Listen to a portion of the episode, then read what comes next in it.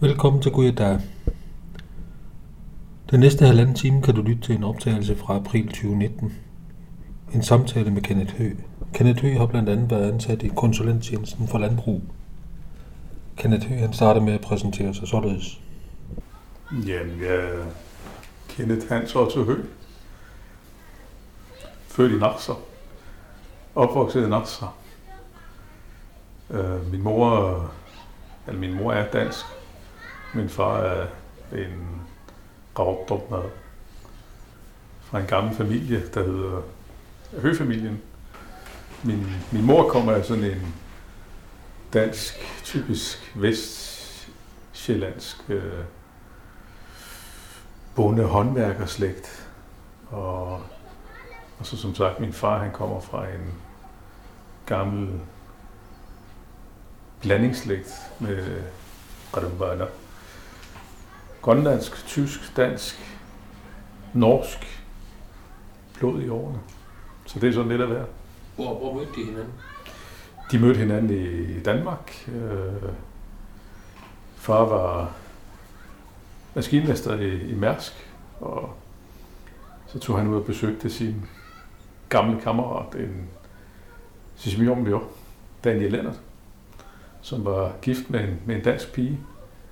Og så denne her danske pige havde en søster. Hun, der var et billede af, af søsteren. Og så spørger min far, hvem hun var. Jamen, det var hendes søster. Og så var far, så havde far besluttet sig, at det var Danas egen rapper. og ja. Therese, han var så stadig, så det lykkedes for ham. Og hvad, hvad hedder dine forældre? Åse og Knud Høgh. Knud Høgh. Og far døde i 2007, og mor lever stadigvæk i en alder af 85 i Danmark. De boede så sammen her. De boede fra 1955 til 93 i det meste af tiden i Nasser. Men de boede også lidt i Manito til at starte med. Hvad lavede de i Nasser? Øh, far var øh, så 14 år, der maskinmester på det kombinerede slagterier og fiskefabrik i Nasser. Og, øhm, og mor var, hvad hedder det, skolesekretær. Ja. Det var sådan set. Og de, de brugte, jeg kan ikke huske, var det, var det 38 år eller sådan noget i Nasser, tror jeg. Rigtig, rigtig mange år mm. I Nasser. Hvem er det næste led? Jamen altså, det er... Øh, altså min, min bedsteforældre her i Rahotter, det var Uyogo Lov, Jon Hø og hvad hedder hun, øh, Akusta, Akusta Hø. Og Akusta, hun var datter af Badasingwa Guru, hvad hedder det, Jens Kemnitz, som faktisk startede forarven. Altså han, han startede jo med at med det her forsøg i, i 1906 i en alder af, han var, en, han var 52 år. Mm. Han var på permission i Danmark. Det havde man jo dengang. Og så ville han gerne afprøve øh, forarvel og tog til Færøerne og lærte sig selv forarvel på Færøerne. Som en, ja, samme alder som jeg har nu, 52. Ja. Det er helt utroligt at tænke sig. Men ja. øh, det var min oldefar. Og så har jeg også, øh, hvad hedder det, jeg tror faktisk, det er mere end et led, eller hvad skal man sige, et, et, øh, en gang, at jeg har Anders Olsen og Dubanda som nogle af mine forfædre. Ja. På min fars side, som sagt. Ja. Mor, det er jo som sagt rent dansk. Ja. Men det var så din, din jo, ja. Akusta. Ja. Og så Ujo Gudor. Ja. De havde faktisk også noget, altså han, han var jo så 14 af det smedemesteren ja. her i byen i Råber, men øh, de havde faktisk også lidt landbrug. Det havde man jo dengang. Øh, de havde en del kæder, og så mange, at de solgte til, til sygehuset gedemælk og til danskerne i byen. Så min far fortæller om en barndom, hvor de, hvor de brugte rigtig meget tid på at samle foder. Tog ind øh, i robåd, ind i fjorden og høstede altså naturgræs og pilebuske og sådan noget, der blev tørret og fragtet til Rautrup til at fodre dyrene med. Det var, og så havde, så havde de får på Ager, øh, sammen med nogle andre. Det var sådan flere, der var fælles om at have får på Ager. Og så havde de en stor køkkenhave. Så det var, altså fars barndom for ham og hans brødre, det var at, at passe dyrene og, og passe haven og, og høste foder ude i fjellet. Hvornår, hvornår har det været? Det var i Jamen det, det, altså, ja, jamen det, var, det har været der i, i 30'erne, 40'erne. Ja. Det er der. Så, og, og jeg forstår også, at øh, min oldefar, Peter Hø, havde også får. Han havde faktisk nogle skotske får. Ja. Øh, så det var lidt sjovt, at min, min oldefar på min Ningeus side øh, var den, der tog de færøske forhold, og på min Ittus side var det faktisk, han, han havde videreført nogle skotske får, Ja. som senere hen blev en del af forholdsstationens besætning. Okay. Og det er jo egentlig ganske spændende, at vores, vores foravls stamme, altså selvom det, det ligner det, man siger fenotypisk, altså hvordan de ser ud, så ligner de jo typiske øh, islandske får. Ja. Men, men der er noget færøsk og noget skotsk i dem også. Så, de, så jeg tror, rent, rent, rent, øh, rent kinesisk, selvom det aldrig er blevet undersøgt, så er, de ret, er der en stor variation. ja. Så det er, det er vores egen race. Ja, jamen det er, det er en, Ja. Det er en race, som selvfølgelig er blevet udvalgt af naturen og også ved avl. Ja. Øh, men også i, i kraft af, at øh, man har fået noget, øh, noget, noget forskellige oprindelser, der er blevet blandet sammen. Mm. Og som så er gået hen og blevet noget unikt. Men det er jo sådan, at din, øh, dine forfædre, Mm. du vokser op i Nossa. Ja, øh, almindelig kernefamilie voksede op der. Øh, vi havde en stor have, og jeg var, jeg var meget tidlig. Hvor boede I henne Ja, vi boede lige over havnen, over fiskerihavnen, og tæt på fabrikken. Far var jo maskinmester på fabrikken. Og så, så, så var der stor have, som, som mange af de der tjenestemands huse havde i gamle dage. Og den begyndte jeg meget tidligt at rode i. Øh, Jeg, havde, jeg ved sgu ikke, jeg sådan lyst til det. Øh, Og selv skal jeg gå i fjellet. Og med en fiskestang eller gevær. Og, og hyggede mig med det. Og se på planter også. Altså, det var meget natur for mig, da jeg var barn. Det var ligesom det, der triggede mig. Det var at følge naturen også, for jeg var ganske ung, 12 år. Så ligesom det der, jeg synes var spændende. Ja. Det er i 70'erne. Ja, Nossa. det er 70'erne. ja. Hvornår øh, blev du færdig med skolen? Folkeskolen?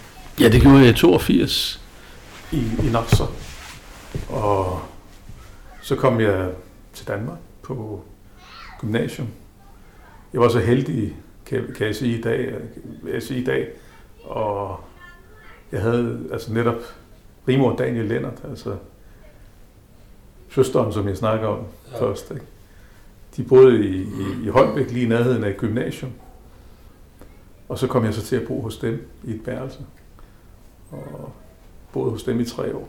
Og tog så gymnasium der.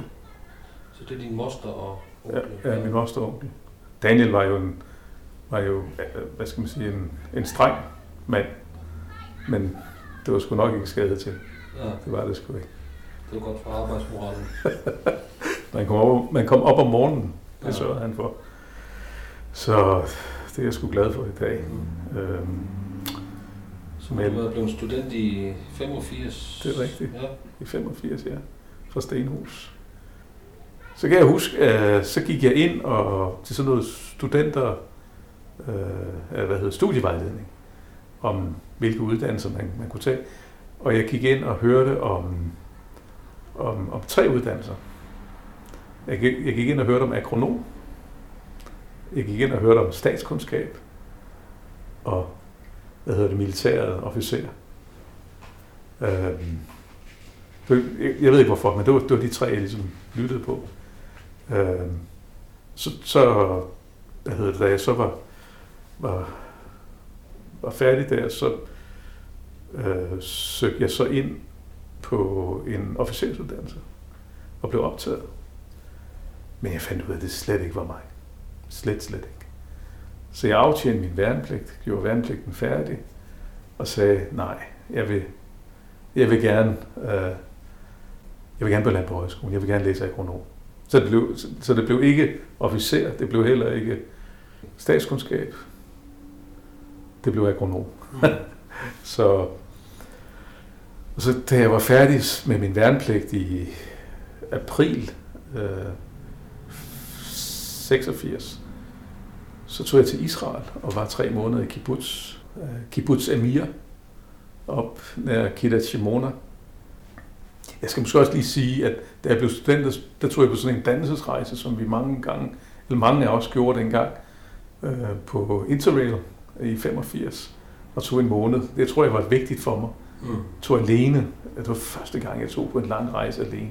Helt alene.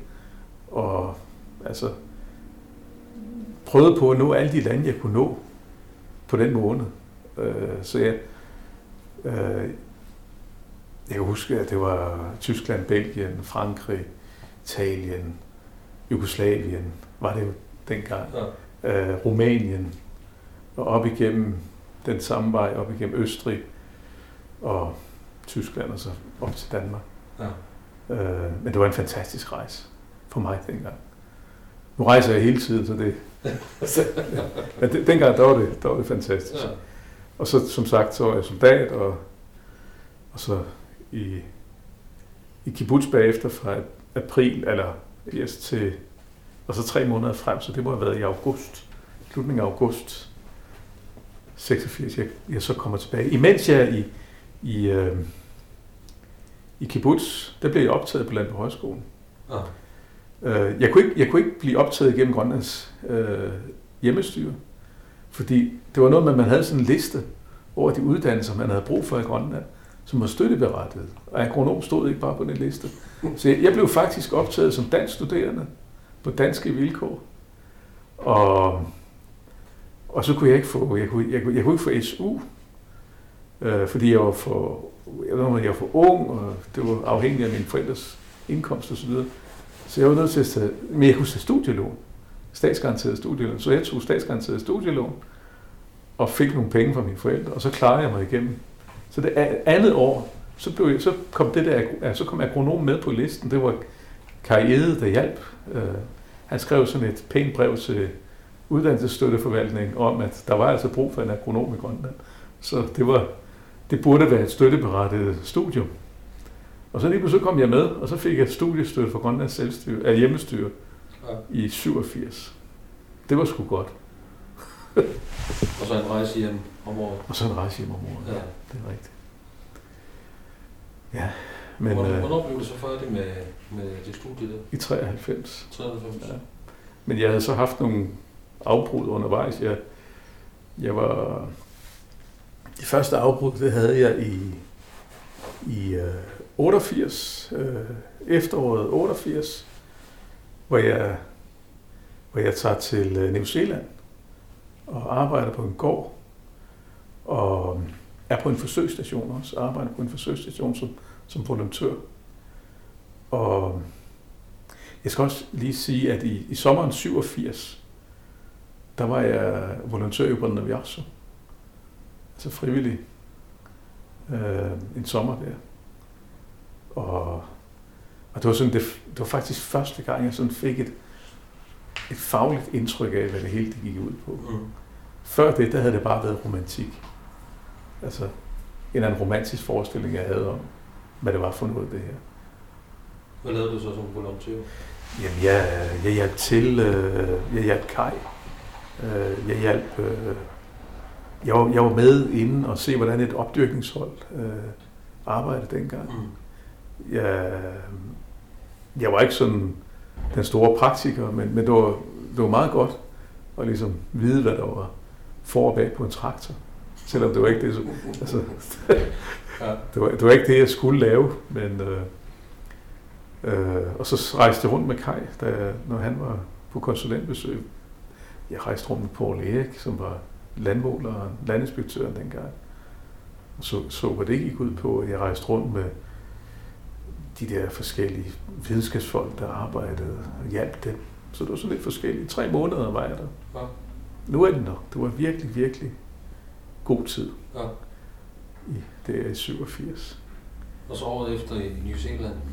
Så året efter i, i 88, ja, så var det i New Zealand. Hvor jeg så var på en gård først, og så på en forsøgsstation bagefter. Det var, det var et helt semester, hele efterårssemester, som jeg var der. Og så tilbage til Danmark i, i januar 89, og så læste videre. Og læste videre så frem til, det må være 91. Så tog jeg afsted igen.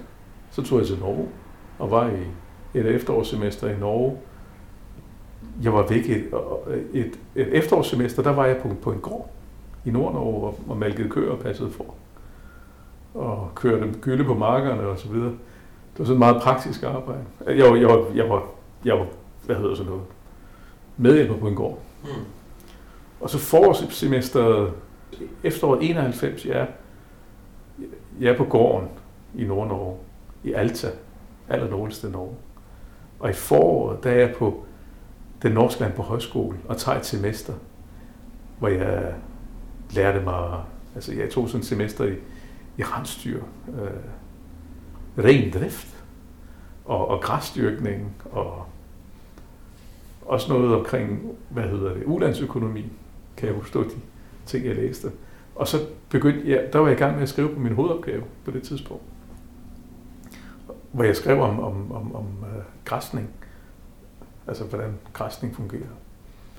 Og så i 92, efter det, efter jeg var færdig på den norske på højskole i foråret 92, så tog jeg til Upadnaviasu igen og arbejdede som, men det var som bachelor, jeg arbejdede på Upadnaviasu. Altså ikke længere som volontør, men på bachelor. Så jeg var sådan mere, jeg var mere assisterende konsulent på det tidspunkt. Jeg var ikke bare en, der bare lyttede. Jeg var sgu med. Eller, og jeg, nu, nu kunne jeg ligesom, nu kunne jeg rådgive lidt. Ja. øh, jeg rejste meget med Akrador, kan jeg huske, Akrador Frederiksen. Det var meget min, ham, jeg rejste rundt med. Og så tilbage til København. Og så, så, kunne, jeg, så kunne jeg min hvad hedder det, kandidat færdig. Øh, gjorde min, øh, mit special færdig. Der i, fra efteråret 92, og så dimitterede jeg den 23. juni 1993, Mm. og fik job den 23. juni 1993. Ja. Så, så de ansatte mig øh, lige med det samme, landbrugsrådet. Ja. De sagde bare, du skal bare, lige snart du er færdig, så får du job. det var ganske rigtigt så. At det første del af mit job, det var at tage på en, en, en uh, studietur til, til Sydnorge, op i de norske fjelde og kigge på vandingsanlæg. De samme vandingsanlæg, det er jo lidt sjovt, altså hvis du snakker med arkeologerne, så siger de jo, at, at den type vandingsanlæg, som nordboerne havde i, i middelalderen, ligner meget dem, som man har i Lom og Chok i den øvre Gudbrandsdal. Og det var netop der, vi var. Okay. Jeg vidste, ikke, jeg vidste slet ikke, at der var en forbindelse. Ja. Jamen, det var bare lidt sjovt, at vi kommer så fra det samme landbrugsområde her, i Ja. Øh, 700-800 år efter, og kigger for at få noget inspiration til, hvordan man kan lave øh, vandingsanlæg her. Ja. Så er der jo så kommet en hel del vandingsanlæg. Men det var, det var meget det, der startede der efter Mm. vi var på den tur, og vi begyndte ligesom at få forståelse af, hvad det gik ud på. Bruge øh, ikke bare en pumpe, men at bruge også naturligt tryk øh, også, øh, fra fjellet, Ja. For at man slipper for at skulle bruge brændstof til en pumpe. Mm. Så, så det var, ja, så startede det. Og så arbejdede jeg der i, i øh, som den, den yngste konsulent i konsulenttjenesten. Jeg havde nogle rigtig gode kollegaer, rigtig søde kollegaer. Hvem arbejdede du sammen med dengang? Jeg arbejdede sammen med Paul Erik øh, Pedersen og Akador Frederiksen og Peter Hammelken og Gerhard Isaksen. Gerhard. Øh, det var, vi var de her fem, og vi var sådan et, som, som konsulent, der synes jeg, det var, det var den gyldne tid nærmest. Den tid, vi havde der. Ja. Det var, det var sjovt. Øh, så møder jeg min, min, min kære kone i 95. Så jeg, jeg nåede lige at være ungkæl i to år ja. i Rådrup, så mødte jeg hende. Og vi fandt ud af, at det skulle være os. Så det er jo, Hvad hedder hun? Det er Bitte. Bitte. Bitte. Bitte Hø. Nu selvfølgelig. Ja, hun hedder Bitte Dahl før, eller? Ja, og Bernhardsen. Ja. Uh, og kommer fra Sløbber. Ja. Så... Men hun havde et par børn før ja. I mødtes. Og de, de blev mine drenge. Ja. Og det har de været siden. Minik og... Minik og Nicky. Ja.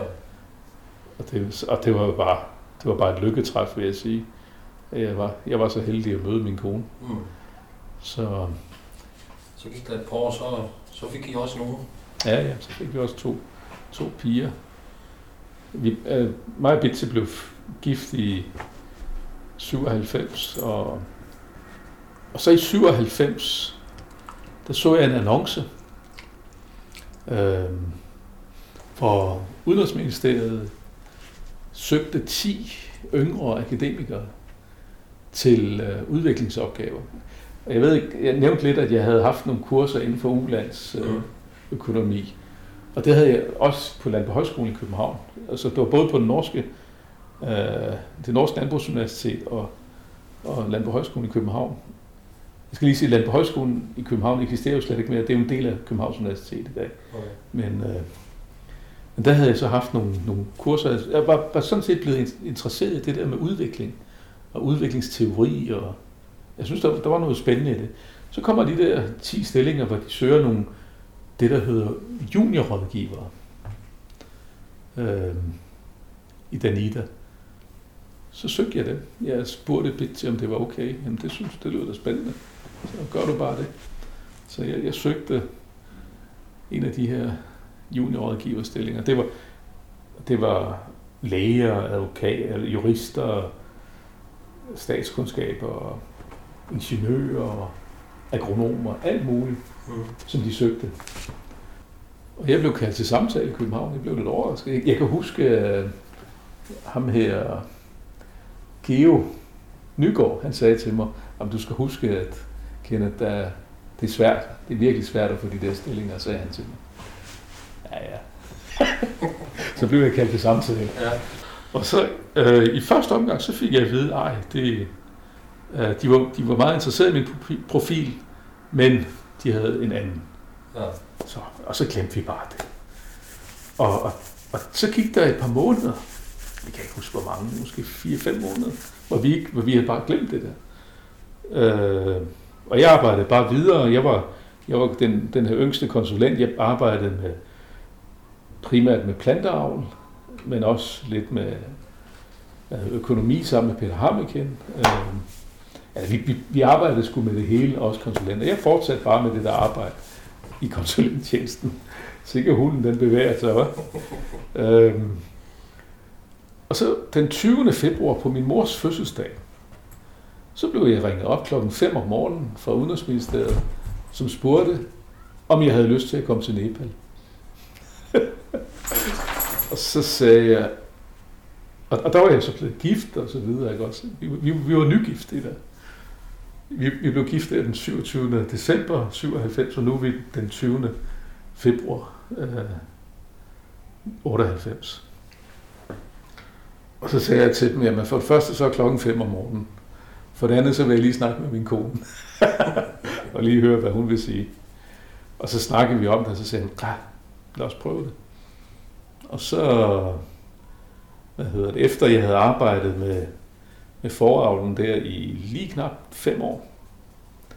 Og havde haft rigtig godt, og havde arbejdet med græsblandinger. Jeg havde prøvet på at arbejde med at få nogle bedre græsblandinger, nogle nye græsser introduceret. Øh, og jeg har haft det smadret sjovt, men jeg vil gerne prøve noget andet også. Eller, så lige pludselig, to måneder efter, så sad vi ellers i et fly på vej til Danmark for at skulle deltage i sådan nogle kurser, Udenrigsministeriets kurser for, for nyudsendte. Og så i begyndelsen, Nikis fødselsdag, den, den 16. juni 98, altså, ja, hvad er det så, fire måneder senere, vi blev ringet op, så sad vi lige pludselig i Kathmandu. og, og så, så, arbejdede, så var vi der i to år. Vi havde en fantastisk tid. Nu en. Øh, så det var, det var helt op i, øh, i, i højden? Ja, det var, det var på højde med i det altså. Ja. Men det var sgu varmt alligevel. Med, med bjergbønder og sådan ja, ja, det var. Men det var, men det viste sig jo, at det var ikke så, det var ikke, det var ikke sådan et arbejde, som jeg havde her.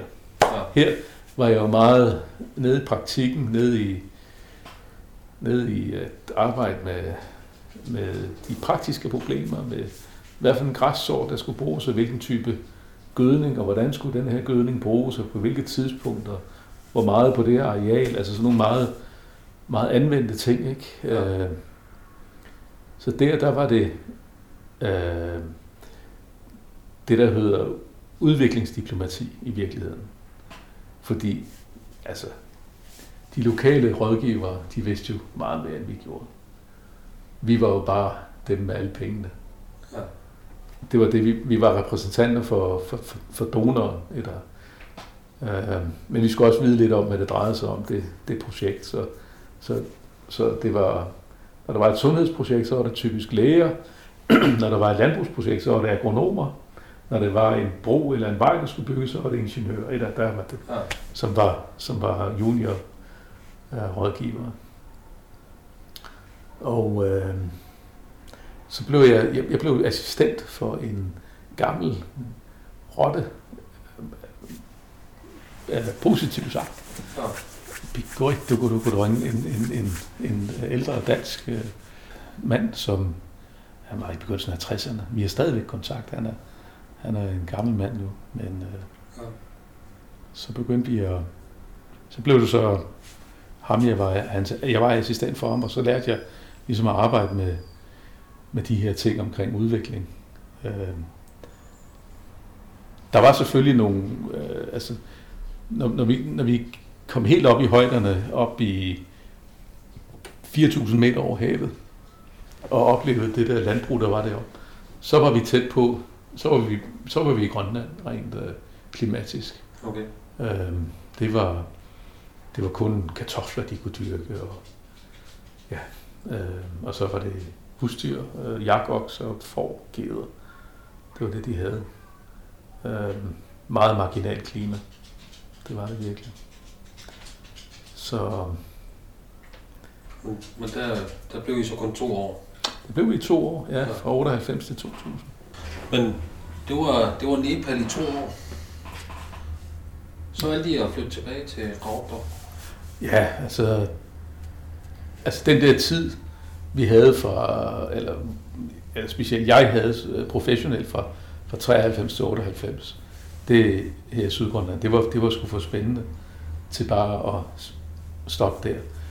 Det var en, en meget dynamisk tid, synes jeg. Vi, vi fik, øh, jeg synes, vi fik styr på, systematiseret en masse ting. Vi fik øh, opbygget nogle rigtig gode, øh, for eksempel græsblandinger. Vi fik øh, nogle, øh, øh nogle vejledninger for, hvordan vi gødede. Øh, altså der, der er også nogle praktiske øh, ting, som jeg synes, der blev rigtig gode, og produktionen steg, og for, øh, antallet af får stille og roligt øh, krøb der op af, og Øh, markernes størrelse, de blev kraftigt udvidet de år. Øh, det var en sjov tid. Det var, en, man, det var ligesom fremgangens tid. Øh, det var nok også fordi, at, at vi generationer fra, fra 60'erne, Øh, det var ligesom den virksomme tid for den, for den generation. For de store generationer, for de store årgange. Og der blev anlagt nogle forhold af steder det kunne Gudok, øh, Sakka, øh, ja. Der blev også, der blev også nedlagt nogle steder.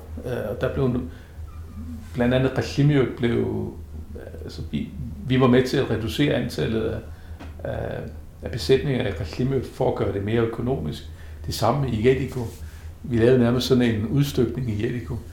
Øh, vi, vi, vi udtog en masse jordprøver øh, for, at, for, altså for at undersøge, hvordan øh, pH var, og øh, vi, øh, vi udtog, vi begyndte også at tage en masse foderprøver for at finde ud af, hvordan var værdien af det her grovfoder, som begyndte at blive produceret mere og mere. Vi tog også prøver af kraftfoderet, for at finde ud af, hvordan det var. Vi begyndte at lave foderplaner for forholdene. Vi begyndte at lave gødningsplaner, alt sådan noget. Det var, det var faktisk en, en rigtig, rigtig sjov tid. Og vi, vi øh, lavede øh, budgetter, øh, likviditetsbudgetter. Du siger, at der startede nogen, og der lukkede nogen. Startede der flere, eller lukkede der flere? Jeg tror faktisk, der lukkede flere, men, men der blev flere får. Altså der blev, der blev flere får per besætning. Øh, og sammenlagt blev der også flere får. Og så blev produktionen mere og mere stabil og, og, og, og, og stigende, svagt stigende. Ikke, ikke en markant stigende, men sådan stille og roligt stigende. Mm. Og, der var, og der var midler. I ESU var der midler øh, til erhvervets udvikling. Så... Men det var, det en øh, del forholdssteder på, på Vandmeværfet. Du, du nævnte øh, Dukashi. Dukashi. Ja. Øhm, det var lidt, den startede lidt tidligere. Ja, i 90, tror jeg. Ja. Eller startede andre i den periode der? Recherche? Ja, det river nok. Det river nok. Okay. Ja, oppe i Koldrupfjorden. Uh, ja, og så, så startede i Biodak op igen. Ja. I Biodak havde været lukket et stykke tid. Så men, der var... Øh, men det var det sådan, øh, der, der trak øh, i dig for at komme tilbage fra Nepal? Ja, altså jeg havde lyst til at komme, jeg havde sgu lyst til at komme tilbage, fordi jeg synes, at øh, det, var, det var lidt for spændende. Så blev jeg så kontaktet af, øh, Karriere og Paul Erik Pedersen. Paul Erik Pedersen var PEP, som vi kaldte ham for. Han, han var chefkonsulent på det tidspunkt. Så blev jeg så spurgt, om jeg havde lyst til at blive chefkonsulent, når, når jeg kom hjem. Og så fik jeg også tilbud fra Danita om forlængelse, men jeg valgte at komme hjem. Så jeg sagde nej tak til forlængelsen, så tog jeg hjem. Og så øh, kom vi hjem i juni. Juni måned i øh, 2000. Jeg begyndte at arbejde med det samme. Og, og så, øh, men jeg, jeg startede ikke som chefkonsulent. Jeg blev chefkonsulent om foråret i 2001, hvor Paul Erik stoppede. Så der var sådan en, en hvad skal vi kalde det for, en, en, øh, et overlap. I havde. Skulle I aflevere det? Ja, ja, netop. Ja. Og det gik også fint. Og, og så var jeg så chefkonsulent fra, fra foråret 2001 og frem til efteråret 2009. Og det var sådan set også en, en spændende tid, men jeg synes, at øh, det blev også en tid, hvor vi, hvor vi kæmpede for at få midler. Altså der, der, var, der var ligesom sket en, en holdningsændring, øh, var mit tydelige indtryk, øh, hvor det ligesom blev sværere at få midler fra selvstyret, eller fra hjemmestyret, som det går. Altså ESU havde ikke så mange penge mere. Øh, der var, så vi skulle slås mere for pengene. Vi gennemførte, men, men jeg synes, vi fik øh, set meget på, på økonomien i den periode. Det var sådan en, måske var det en slags, øh, altså hvor 90'erne havde været en, en fremgangsperiode, hvor, hvor det bare kørte derudad. Så i nullerne, der blev det mere sådan en, en periode, hvor, hvor tingene fandt deres leje på en eller anden måde. Øh, de ting, som vi havde arbejdet med i 90'erne, blev ligesom normalen eller øh, i nullerne. Men, hvad hedder det, øh, opdyrkning, jo, du skal også huske, at Naksa Edua blev også etableret i, i 90'erne. Så der var virkelig, ja. virkelig mange, der blev etableret der. Øh, der startede rensdyravl op på Dutterdorp. Vi sendte Hans Janusen til, til øh, rensdyroplæring i Norge. Det, det var sjov tid, du. Ja.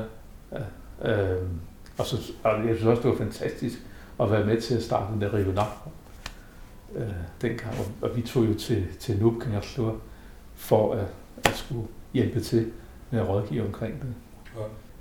Men, men altså, der kommer vi så ind i nullerne, hvor det bliver lidt, det bliver sværere at, at formidle. Der er ikke, der er ikke den samme øh, åbenhed med hensyn til og, og altså, jeg ved ikke om, om man havde forestillet sig, at at erhvervet skulle have udviklet sig hurtigere, at, at økonomien inden for erhvervet skulle have blevet bedre øh, hurtigere, om, om det var derfor, man, man ligesom trådte lidt på bremsen med hensyn til de midler, der blev allokeret til, til erhvervet. Øh, ja, men det, det, var, det var, jeg synes, det var, det var lidt svært, men, men jeg synes, vi holdt skansen, eller, og udviklede, og, og, og vi fik alligevel, øh, der, der var nogle gode år, det, i begyndelsen af nullerne, så begyndte det i syv, jeg tror det var i syv, hvor det begyndte med det der tørke. Hvor vi begyndte at få tørkeproblemer. Og, og det har jo reddet foravlen som en mare siden nærmest. Hvor vi har haft rigtig mange år med tørke. Varmt vejr og tørke. Og det har faktisk været ret problematisk. Vi havde, vi havde det, i begyndelsen af nullerne, der havde vi nogle varme år, men våde år. Det var fantastisk. Mm. Eller, der groede jo det hele, som det hvad. Og der var gode udbytter med lammene og, og gode udbytter på markerne. Det var, det var en god tid. Men det, det, var, det var lidt svært at, at med midlerne, synes jeg. Og det var nok derfor, at jeg tænkte, nu vil jeg prøve noget andet, fordi at, øh, Men det var så også 8 år. 9 år. Ja, det var det. Var, det var ni år. Men det var, altså, det er igen altså noget, jeg var glad for. Jeg begyndte så at søge ud der i, i 8, tror jeg det var. Ja. Og, og, og, og fik så øh, stilling i, i Bangladesh øh, inden for Danida i, i 9, ja, i august 9, kan jeg huske. Vi, vi var til møde i Landbrugsrådet. Så der, er faktisk sket en hel masse i dit liv de sidste 10 år. Der er sket forfærdeligt Og meget. fra 9, så kom du til Bangladesh. Øh, det var også noget udviklings... Ja, det var, det, så blev jeg så udsendt som seniorrådgiver. Og var der fra efteråret øh, 9 og frem til udgangen af 12. Og vi kom så tilbage hertil i øh, februar 13. Så fik jeg øh, øh, et job øh, i april i Vietnam. Og så røg vi til Vietnam. Og, så, så, øh, så troede jeg jo, jeg skulle sådan set være derude i, i, en, i en hel del år. Men så blev jeg så spurgt fra den nye borgmester, Jørgen Weber, om jeg havde lyst til at arbejde for ham. Og så gik der et år, så arbejdede jeg for ham. Så var jeg tilbage i Ravnborg i februar 14. Det var rigtig godt. Altså, ja, Bangladesh var en kæmpemæssig faglig udfordring og spændende. Men det var et hårdt land at arbejde i. Man plejer at sige, du græder, når du kommer, og du græder, når du rejser igen. Fordi altså, det er simpelthen, det ser så håbløst ud, når du kommer. Men faktisk så bliver du glad for landet, og jeg, jeg er rigtig glad for landet og menneskerne stadigvæk. Øh, røg jeg så ind i den kommunale. Og lige pludselig så sad jeg som i sommeren 14, så sad jeg som fungerende kommunaldirektør. Ja, sommeren, uh, sorry, sommeren 17. Sommeren 17, uh, så sad jeg som fungerende kommunaldirektør.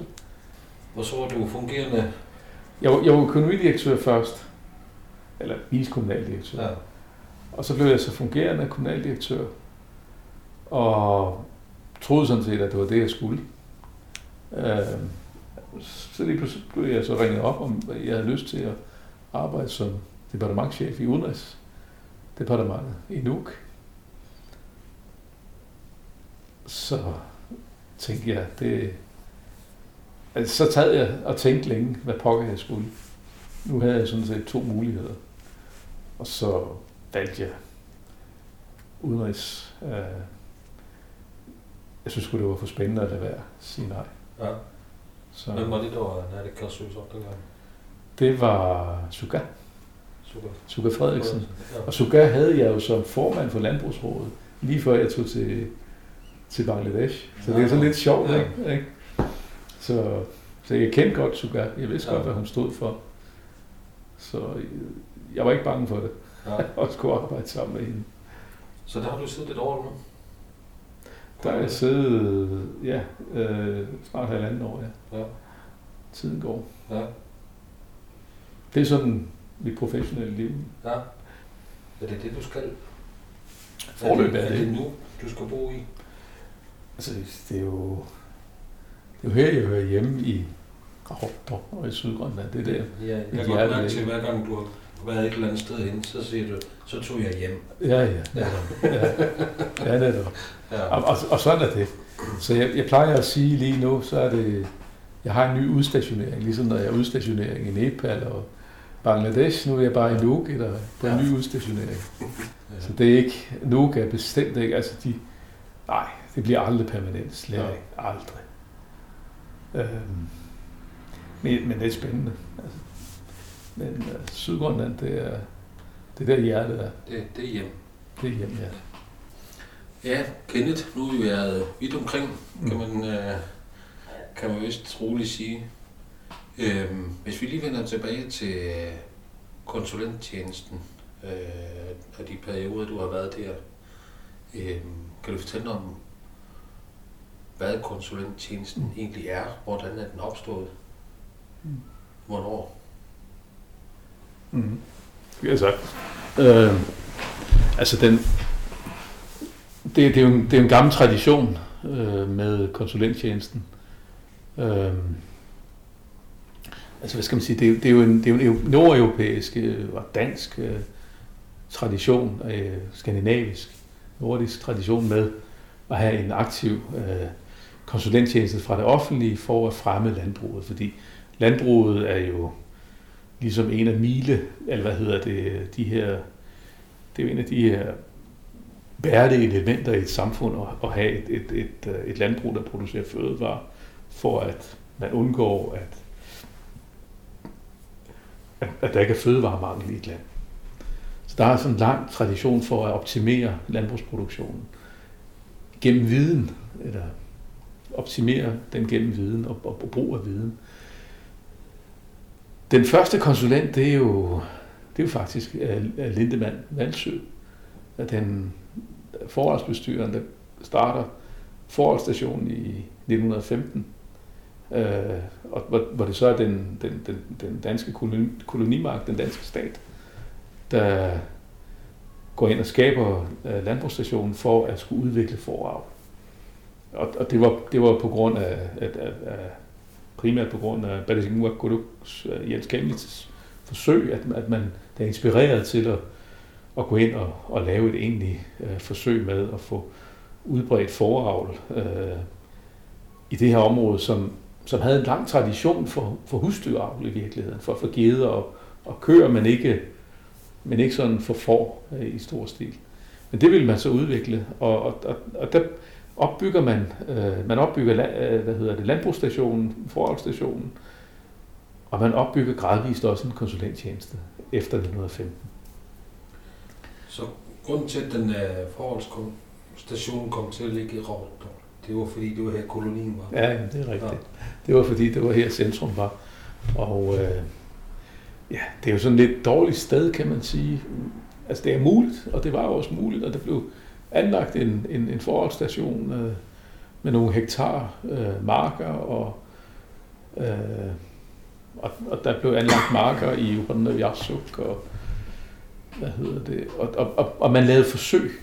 Øh, man lavede forsøg med dyr, man, man lavede forsøg med planter, Så havde man allerede marker i Udlandet Ja, det er omkring 30, man begynder at, at anlægge marker i Bandavjasuk og, øh, og slå hø der. Der er, der er jo nogle naturlige, eller hvad skal man sige, nogle, nogle gamle græsarealer fra, fra Nordbotiden, som allerede med det samme kunne, kunne anvendes.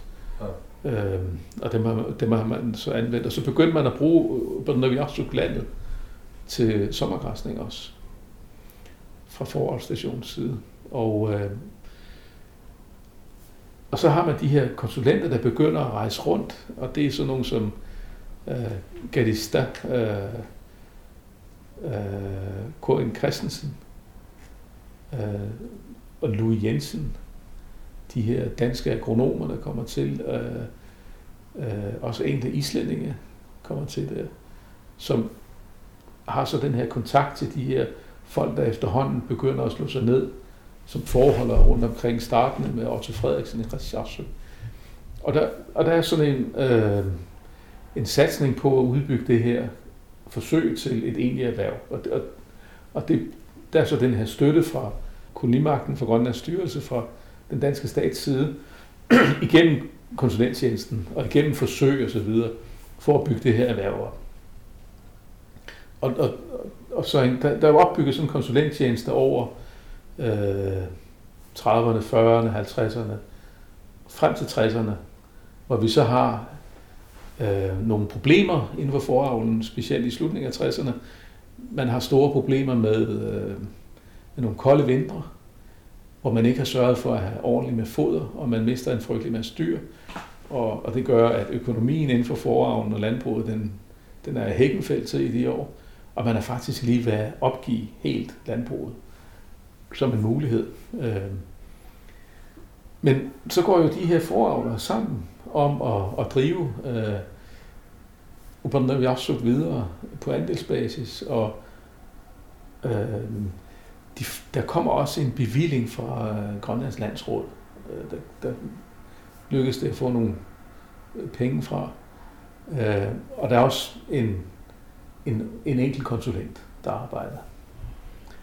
Og, øh, og, og det er jo så det, som...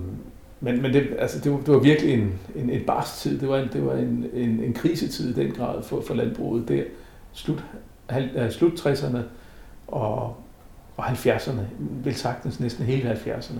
Så kommer den unge agronom, eller den unge agronomstuderende karriere til i, i midten af 70'erne, i 75, jeg tror jeg det er. Og han kommer til, i, altså, hvor det nærmest er værst. Altså hvor det, hvor det virkelig er en krisetid, man er i. Øh, staten har trukket stikket ud med økonomisk hjælp. Og så det er landsrådet, kommuner og så videre, og, og, der, der ligesom sørger for, at, at, at, at, at tingene kører nogenlunde. Øh, men der mangler jo udvikling, der mangler øh, rådgivning, og, men der er det jo faktisk Kai Ede, der, i samarbejde med islændinge og enkelte andre, gør en kæmpemæssig indsats for at få erhvervet på fod igen. Øh, øh, jeg skal også lige sige, at øh, Paul Bjerre, han, han, han var også en af de standhaftige, der blev på Naviasu i den her krisetid. Og jeg mener, at, at, at han var regnskabskonsulent, øh, som regnskabskonsulent i den periode, ved siden af, at han, han lavede de her forsøg med, grøntsagsdyrkning, havebrug og, og, og skovbrug. Øhm, men der var den der lille flok med nogle rigtig gode intentioner, som, som gjorde, øh, at landbruget overlevede virkelig. Det kunne have gået helt galt. Det døde jo helt ud i Nuuk-området øh, i den periode. Øh, og så, så var det også forholdene, der havde en sammenhængskraft og en styrke, indre styrke, som, som gjorde, at, øh, at de organisatoriske øh, sørgede for, at, at, at, at, at det blev ført videre. Og, og, og de fik så rejst den kapital, der skulle til, og de, de støttemidler, der skulle til fra det offentlige, for at få det til at køre. Så har vi jo så, det, det kører så hen i et, øh, det ender også med, at man, man, man, man får et, øh, et, et kæmpestort kortlægningsprojekt omkring vegetationen i samarbejde med Landbrugets Forskningsinstitut på Island, Øh, og det er et projekt, der kører fra 77 til 81, 82. Øh, man, man får også øh, et øh, EU-projekt startet om, omkring egensudvikling øh, under bjergbunddirektivet som end, og har egentlig udsigt til en, en masse investeringer fra EU's side for at udvikle landbruget. Øh, der er en hel del af de ting, der kommer i gang, men der er også en hel del af de ting, som bliver stoppet, da vi, da vi træder ud af EU. Øh, man kan sige, at udtræ- den her udtræden af EU var sikkert en, på mange måder en rigtig fornuftig ting, men det var nok ikke lige så fornuftigt for landbruget på det tidspunkt, fordi der var rigtig mange gode støttemidler til udvikling af landbruget. Så det var, det var sådan et projekt, et EU-projekt, der aldrig nåede at, at, at, at egentlig, vi nåede aldrig at se den fulde effekt af det. Fordi vi fik aldrig de midler fra, selvstyr, fra hjemmestyret sidenhen, som vi egentlig skulle, var blevet sat i, i, øh, i udsigt fra eu side. Og det er jo så i, i, i 85, man træder ud af EU. Og så øh, det her EU-projekt, det bliver så, at der, der bliver lidt mindre ambitioner, øh, på grund af, at der simpelthen ikke er penge til det. Øh, men øh, så vidt jeg husker, så antallet af konsulenter, der er kommet en opdyrkningskonsulent, en, en, en driftig islænding, og, og vi har fortsat Kai, og vi har en, en, en øh, hvad hedder det, en opmålingskonsulent øh, og landmåler, landinspektør, og der er en opdyrknings... Øh, hvad hedder det? Ja, det var Kai, der var... Øh, hvad hedder det? Han stod, han stod ligesom for det hele. Øh, han var ligesom en overordnet mand for det hele. Øh, og så var der jo de der fire-fem konsulenter. Så det var, det var, der var virkelig en stærk konsulenttjeneste på det tidspunkt. Men det er virkelig også der, den sådan for alvor er Altså, startet op som en konsulenttjeneste. Ja, det er rigtigt. Ja. Det, det er der, hvor, hvor, hvor du virkelig får system på det. Og, øh, men, men du har, en, du har en række problemer med, det er svært at få fun, øh, markerne til at fungere. Der, der, er nogle, der er nogle ting, som ikke rigtig fungerer inden for landbruget på det tidspunkt. Øh, og sådan set, 80'erne er en udviklingstid, men også en lidt svær tid. Det er ikke sådan, at du ser de store øh, resultater i 80'erne. Du ser en masse opstart, vil jeg sige, og øh, frøene bliver sået, kan man sige, for det, der kom sidenhen. Og øh, så Kai, han stopper som konsulent i 87, da han bliver landstyremedlem for erhverv og fiskeri, hvad var det? Jeg kan ikke huske, hvad det hed, men altså, han blev, øh, og, og var i, i som, og var landstyremedlem frem til 92. Men, øh, hvad hedder det, man, man, men, men den der kerne af, af konsulentydelser, som man får etableret der i, i midt-80'erne, frem til midt-80'erne, de bliver sådan set videreført. Og, og det er jo så det, jeg kommer ind i, i der i, øh, i 93, da jeg bliver ansat. Der, der ryger jeg ned i, i det her øh, hvad hedder det, projekt, og, og, og det her udviklingsprojekt, som som rådgivningstjenesten er integreret i, det beslutter man sig for, at det, det skal gøres til noget permanent. Og det vil altså sige, at man, det her udviklingsprojekt, det går hen og bliver en konsulenttjeneste. Der afslutter man øh, det her flotte, oprindeligt forkromede EU-projekt, og så det lidt mere barberet mm. øh, hjemmestyreprojekt. Det afslutter man der i 92-93. Ja. Og, men, men beslutter sig for at, at føre konsulenttjenesten videre efter det. Der er en frygtelig masse børnesygdomme, som er overstået. Så derfor så er det, du ser der i 90'erne, det er den gyldne tid, kan man sige, ikke? Hvor, hvor det bare, som jeg allerede har beskrevet, hvor du har den store udvikling, ja. rigtig spændende udvikling. Men jeg ser det meget som et resultat af 80'ernes og 70'ernes 70'ernes planlægning og kortlægning og alt det der. Øh, og så 80'ernes øh, start på rådgivningstjeneste og hvad hedder, opdyrkningshold og ja, alle de her ting. Og så kulminerer det hele, som jeg ser det, i, i 90'erne. Og så i nullerne, der bliver det mere sådan lidt business as usual. Og så synes jeg, at i 10'erne har det været en trang tid. Mm. Det er det, altså der, der har det været hårdt. Ja. Det er sådan, jeg ser ligesom de her ja, fire årtier, 70'erne, 80'erne, 90'erne, eller fem årtier er det jo faktisk. Ja. I der er der. ja, vi er du, du er ældre. Ja, ja. Det, Men øh, det er jo så selve konsulenttjenesten.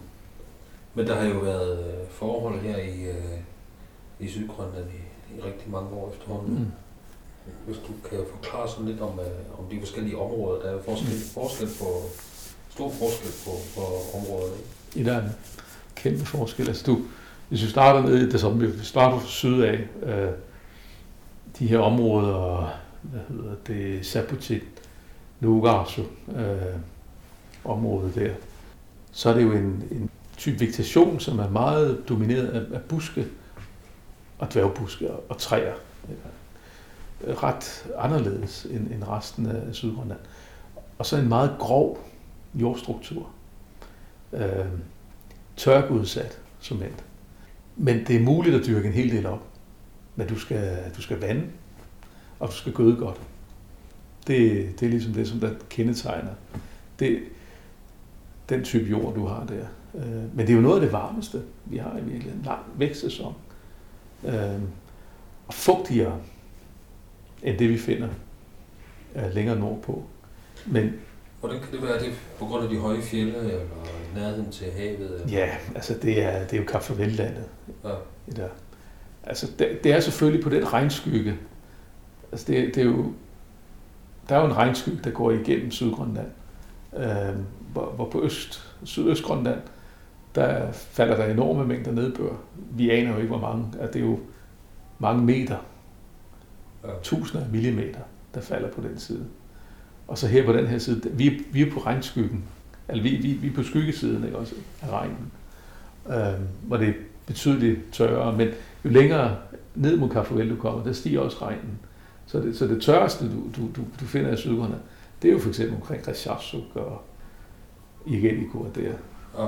Der er du nede på de der 600 mm. Prins Christiansund, der er du på 1400. Ja. Rottum, der er du på 800, hvis det sådan giver dig. Ja. Det er sådan.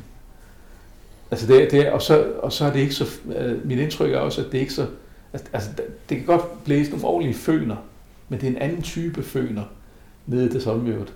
Så de har ikke, altså jeg, jeg synes ofte, når jeg kommer derned, så er det, når jeg kommer ned om foråret, så, så er der faktisk øh, sene snelejer nede i det sommermødet, som jeg ikke ser i Reshasuk og Vatneværf i området, som tyder på, at, at, at altså følerne er ikke så øh, intensive, som dem, vi har her. Så varme og tørre, som de er. Ja, så- og, og, og vedholdende, som, som Ja. de er her. Så når du går lidt længere nordpå, øh, så bliver det mere kystklima. Altså når du kommer til Alluit, Tupkingarlua, øh, Amasivik, øh, Radvarsuit, øh, Alluit områderne Ja. den der Amasivik halvøen, så, så, har du, så har du meget revlingeheder, øh, altså bare med. Øh, og, men, men også stadigvæk en, en, en, en ret busk-domineret øh, domineret type. Og så er, du, så er du ved at komme til, altså, øh, til det her sydgrønlandske kerneland. Det er det jo. Når du kommer til Redoarsø, så er du jo i yderkanten af, af, af fald.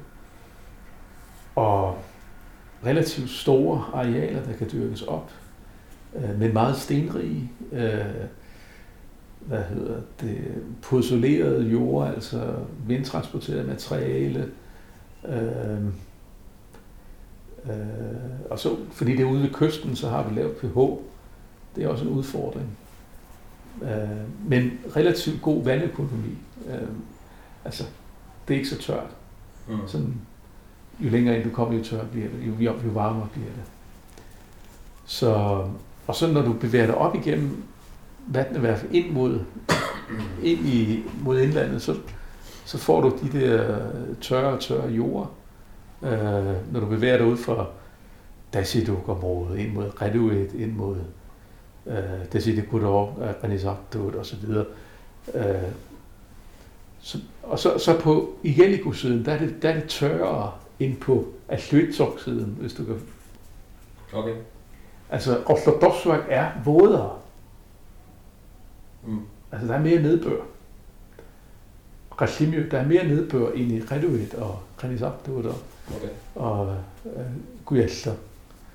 Øhm, og så har, du, så har du det her utrolige mængder vindtransporteret materiale ind i inde i øh, hvad hedder det, vatneværf, indre vatneværfe. Øh,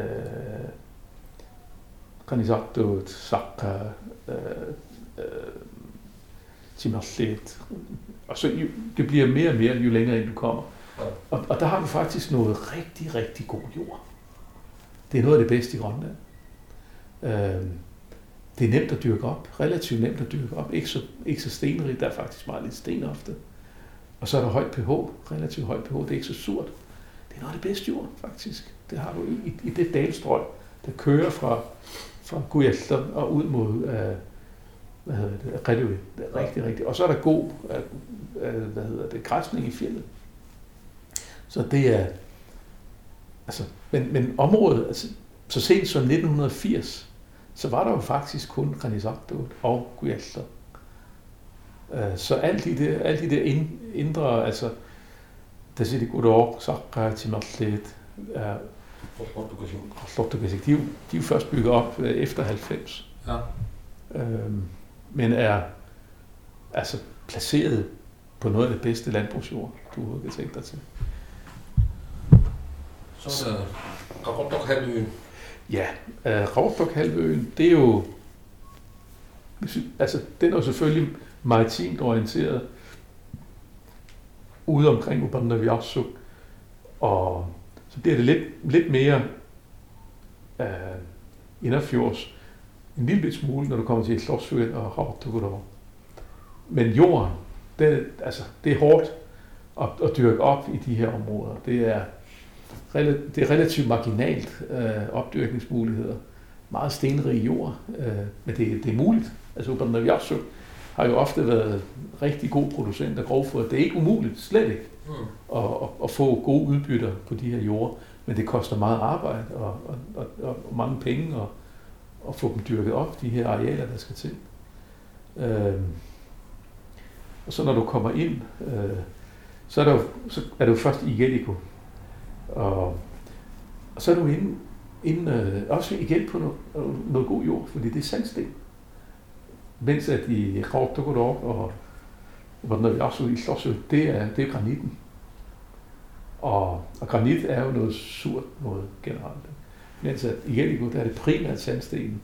Og, og sandsten laver bare noget god jord. Så, du har, så har du igen nogle rigtig gode jord i, i Jellico. Øh, og på den anden side af fjorden, i den, de hører sammen, Sitlise, øh, helt over til Kingersløver, øh, i Sommerjø. Det hører til den her gode sandstens provins i dag. Så der er noget god jord der, på begge sider af fjorden.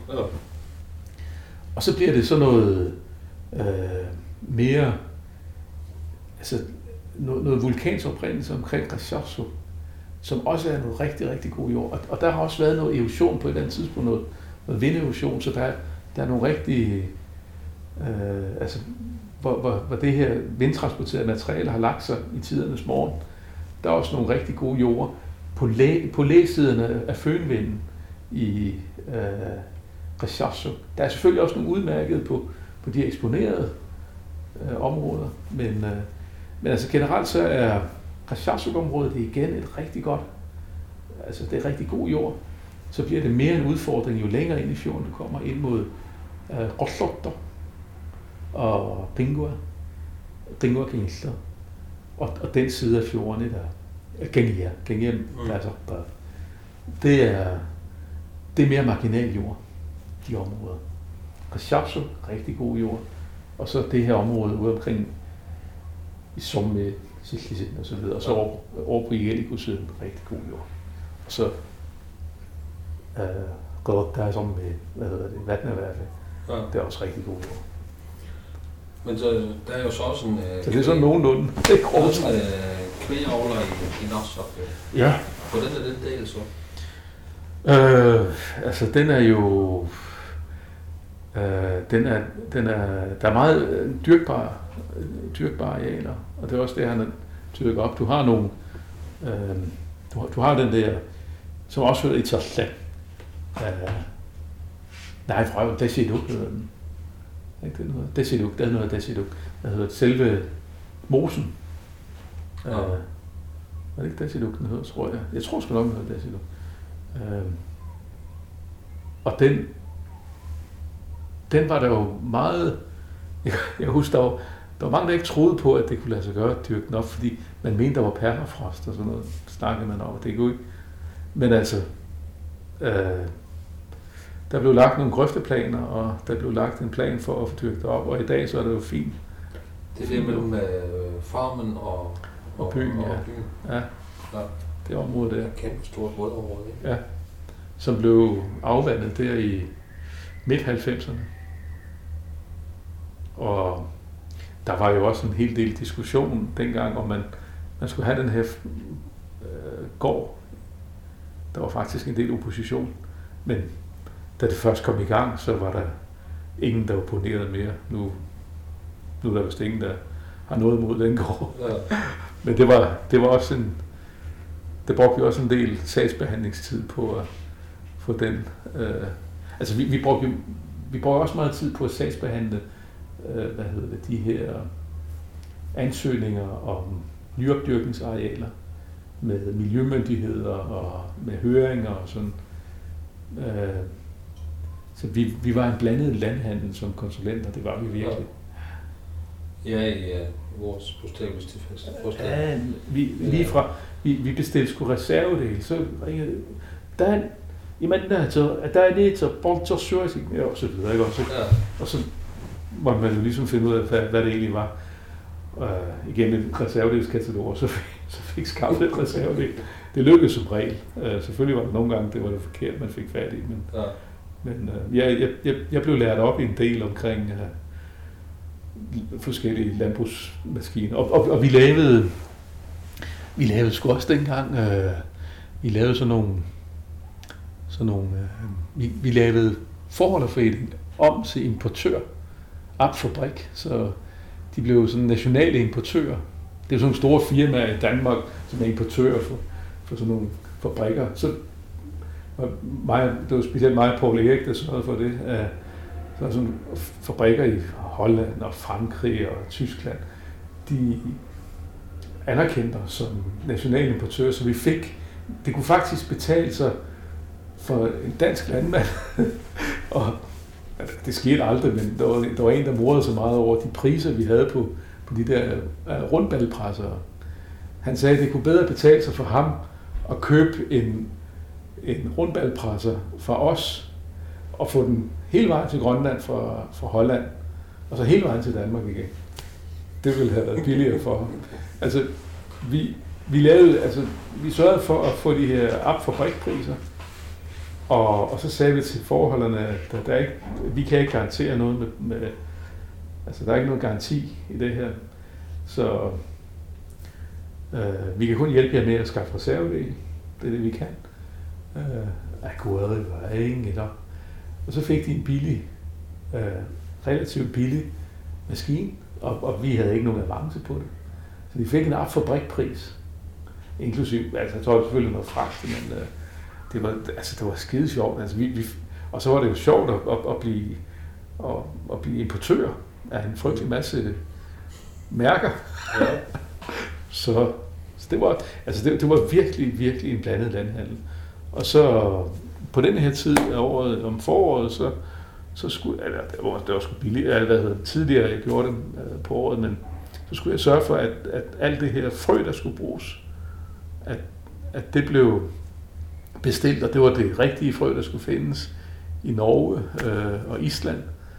Øh, de rigtige sorter og de rigtige arter, og, og lavet nogle frøblandinger, hvor vi, hvor vi havde lavet nogle forsøg med det først, og så lavede vi de der frøblandinger. Det var, det var relativt systematisk konsulenttjeneste, hvor vi kørte en frygtelig masse ting for dem. Men hvor var det sjovt. Det var virkelig, virkelig morsomt. Den tid, du har, du har arbejdet med, med landbrug i, i Sydgrønland, der er selvfølgelig uh, gode ting, og der er dårlige ting. Sørgelige ting, glædelige ting. Hvad, hvad har det tungeste været at, at lave i landbruget? Åh, der var, der var jo... Der var selvfølgelig... Altså, du kommer meget tæt på folk. Og, øh, og nogle gange... Øh, så er du også nødt til at fortælle folk nogle sandheder. Som de har måske svært ved at acceptere. Problemet er ikke øh, det... at der kan gro noget på hans mark. Problemet er måske, at han drikker for meget. For eksempel. Ja. Og det kan godt være rigtig svært for. Men det er nogle gange, altså, det er, den, det er surt at skulle sige sådan noget til et andet menneske. Men, så der var også, der var også en vis grad af socialrådgiver øh, Mm. for os konsulenter. Øhm, det kan også godt være det, at man skulle sige til en, at øh, måske skulle du stoppe. Fordi du kan ikke få økonomien til at hænge sammen. Det kan godt være, at du er en dygtig forholder, men du er en hammerende dårlig økonom. Så det var måske bedre, at du var hjælper, eller du har arbejdet 8-4 job, og fik din faste løn som bygningsarbejder eller lidt andet. Eller kørte entreprenørmaskiner. Det er der også mange af dem, der, der stoppede så og, og blev. Ja. Og, og dermed ikke sagt, altså der var mange dygtige forholdere, som også var rigtig gode økonomer, som bare valgte at træde ud af forhavnen og arbejde som, som noget andet. Det er dermed ikke sagt, at dem, der er trådt ud, Men det er, det er jo et lettere liv inde i byen. Ja ja, i allerhøjeste grad. Ja. Du skal, Men, øh, du skal være en, en forholder i dag, skal være mekaniker, elektriker, tømmer, planteavler, økolog, øh, husdyravler og økonom. Og så skal han også lige få familien og, og alt det der med konen ja. til at fungere. Der er en frygtelig masse ting, de skal kunne få til at fungere. Men det er, sådan, det er jo sådan den tunge del. Hvad med den, øh, den lettere? Der, der var en, Jamen, altså, det er masse rigtig gode oplevelser. det, det, er jo, det er jo altid dejligt at se, at øh, en mark, øh, eller et forhold af sted, man har snakket med en om, der kommer noget ud af det. At der, der sker noget, og der, der kommer en mark, der kommer en stald, der kommer nogle får. Øhm, og, og der er en stigning i produktion, der er en stigning i, i øh, antallet af dyr. Og, Antal af børn. ja, ja, ja. Det, Når det går godt du, øh, Ja, i stallen, så går det vel også godt derhjemme. Ikke? ja, ja. Så- Som det store hele, det lyder som om, du, har, du er glad for, at du har arbejdet med landbrug. Jamen, jeg er utrolig glad for det. Det er, det er en, en dejlig tid. Øh, Det er en rigtig dejlig... Men jeg, jeg tror også, altså, det der med at være feltkonsulent, tage i felten og rende rundt på markerne og snakke med forholderne og så videre, det er, det er noget for en ung mand, en for en ung konsulent. Mm. Øh, det passer rigtig godt for en mand i 30'erne, 40'erne. 20'erne, 30'erne, 40'erne, eller en dame, som man siger. En yngre person. Øh, så tror jeg mere sådan, når man bliver lidt ældre, så er det, ikke, så er det nok ikke det, man skal. Men det var, det var, det var en god tid. Mm. Det var, selvfølgelig var der også nogle gange, så var det lidt farligt at rejse rundt. Men det tænkte vi jo ikke så meget på. Ja. Men der var der nogle nordstorm, vi var ude i, og, og Niger, så, hvor vi var nødt til at overvære, hvad hedder det, hver, hver en dag på, på en ø og vente, og det, var, det skete sgu en del gange. eller, eller at vi lige pludselig ikke kunne komme videre på grund af Sigurdsø. Det var dengang, der var Sigurdsø. Så sad vi bare fast på en ø og kiggede, og hvad fanden skulle vi så? Så det kunne, det var nogle lange ture, og ofte så var det svært at komme afsted. Simpelthen på grund af vejret. Så lavede vi, man lavede en plan, nu skal vi der, nu skal vi der, nu skal vi der. Og så stod himmel og hav virkelig, når man skulle afsted. Og så, så måtte man lige skære noget af, og ofte så desværre, så er det svært at nå ned til det sommermøde. Så det var som regel den, der var lidt tættere på, ikke, som man nåede ud til først. Så, så prøvede man sådan på at starte i det sommermøde. Det var sådan, altså, det er nok, det var jo, det var jo kun måske en gang om året, måske. Der var nogle år, hvor, man, hvor vi ikke nåede deroppe. Ikke? ja. Så Men hvordan så... Øh, det lyder som om, du ikke havde nogen fritid. øh, Ja, du er jo blevet gift. Så ja, ja, jo, jo, ja, ja, men, men øh, jeg arbejdede meget, rigtig, rigtig meget. Jeg, jeg, havde, jeg havde det sgu sjovt. Så jeg tror næsten, jeg arbejdede hele tiden. Det var, jeg, jeg havde svært ved at bruge min ferie op. Jeg brugte den sjældent op. Så sikkert ægte mand. hva'? Ja, Kenneth, nu, øh, nu spurgte jeg til din øh, fritid, om du havde sådan en. du, har, du har et eller nogle hobbyer. Jo, men det er jo utroligt, den lyder. Det, det, er jo, det er jo også planter. Så jeg, jeg, jeg har altid været glad for planter. Og, øh, nu, mit, nu mit job det er jo meget administrativt, øh, selvom det er på et operationelt niveau.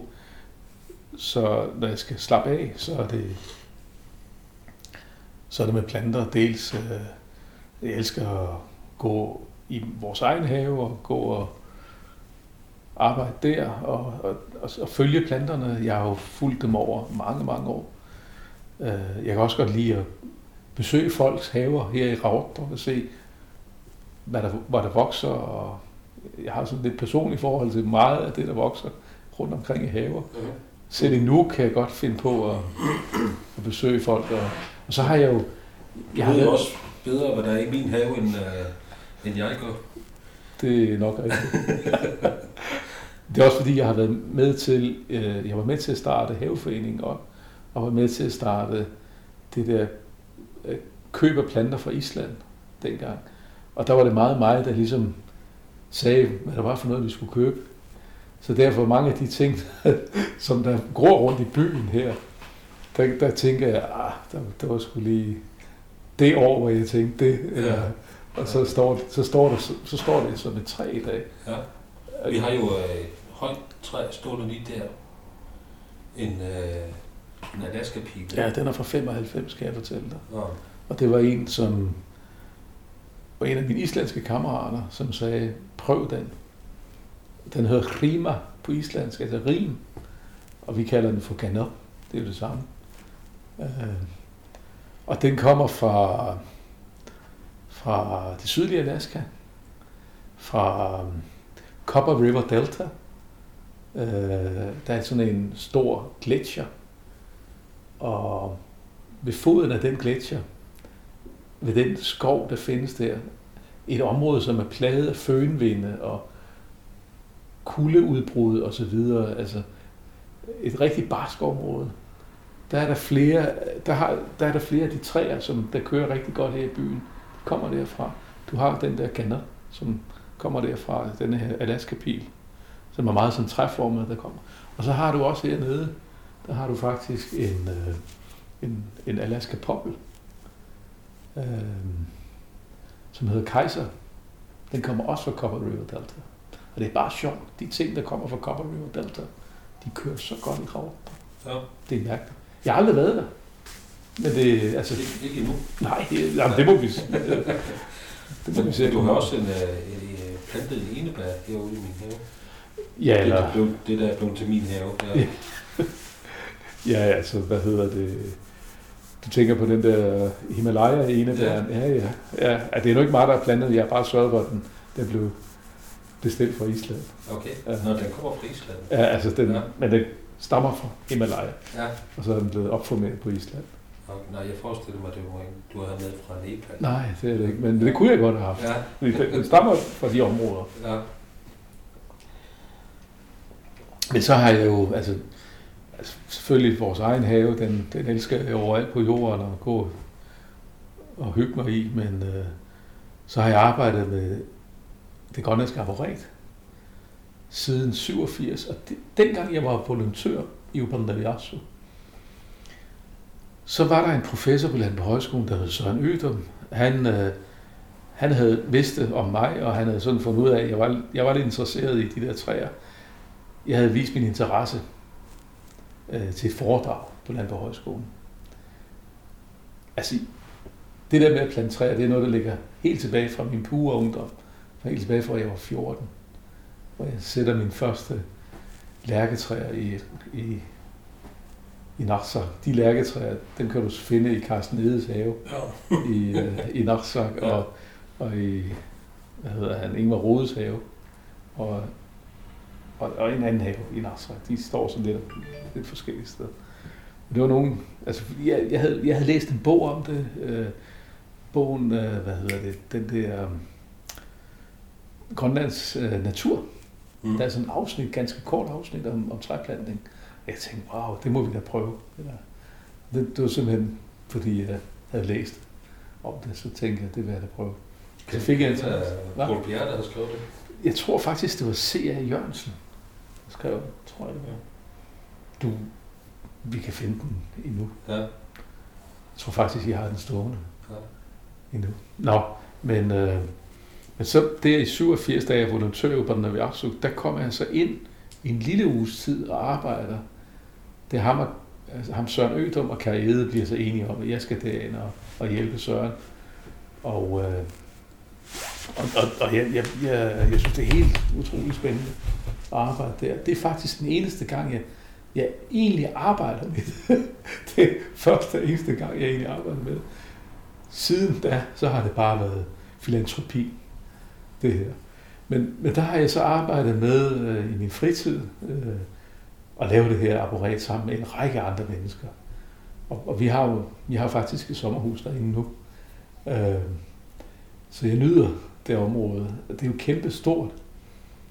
Og det sjove er jo, at, at, at de planter, jeg var med til at sætte som en ganske ung mand på 21-22, da, da vi startede, det er jo store træer i dag.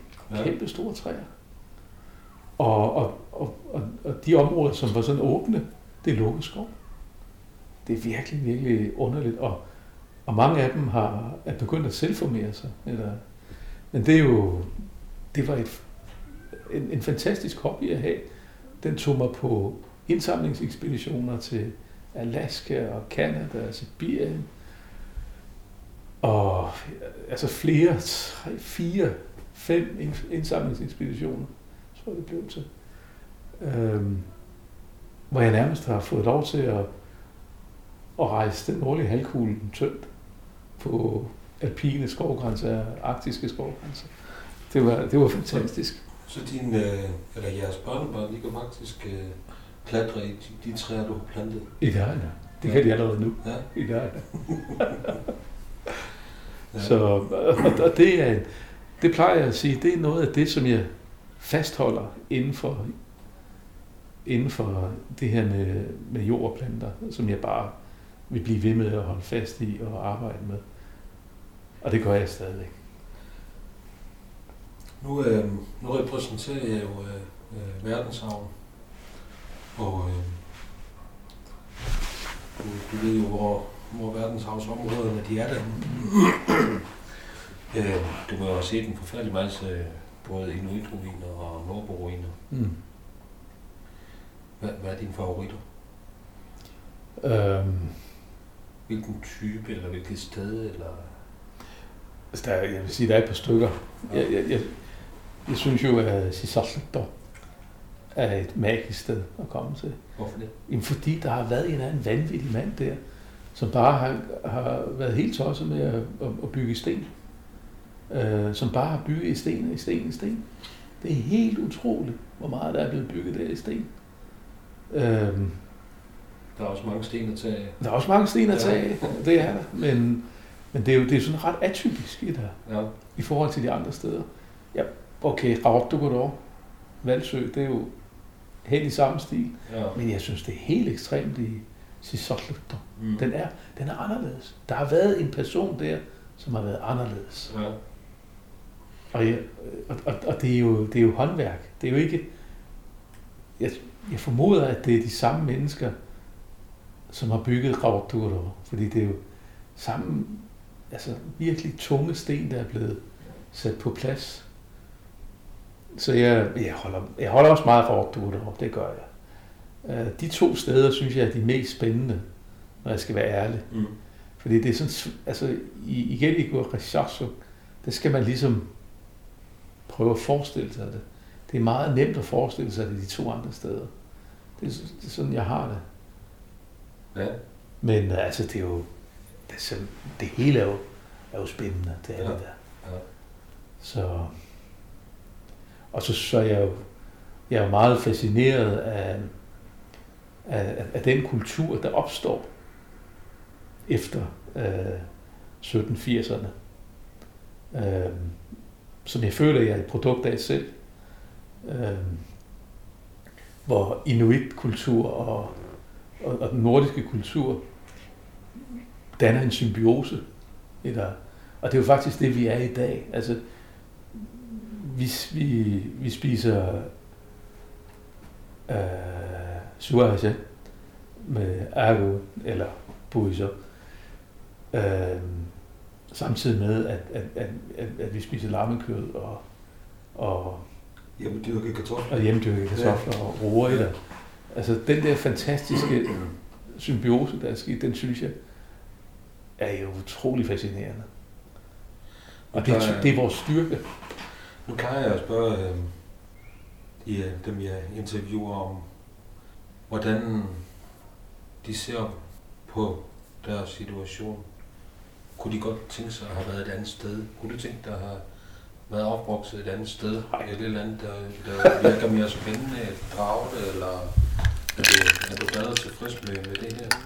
Det er det allerbedste sted. Jeg er verdens heldigste. Altså, jeg, jeg, jeg, og, og, og tiden har været fantastisk. Ja. Det der, jamen altså, det, det er simpelthen, åh for søren, det er så, det er måske også, jeg er blevet sådan helt sentimental, fordi jeg ikke bor her til daglig, det der, Ja. men øh, jeg synes, det er et fantastisk område. Det er en gave at få lov til at vokse op her, og har virket arbejdet her. Helt sikkert, at jeg skal blive gammel her. 100 procent. Ja. Gå ind og gå op. Ja, helt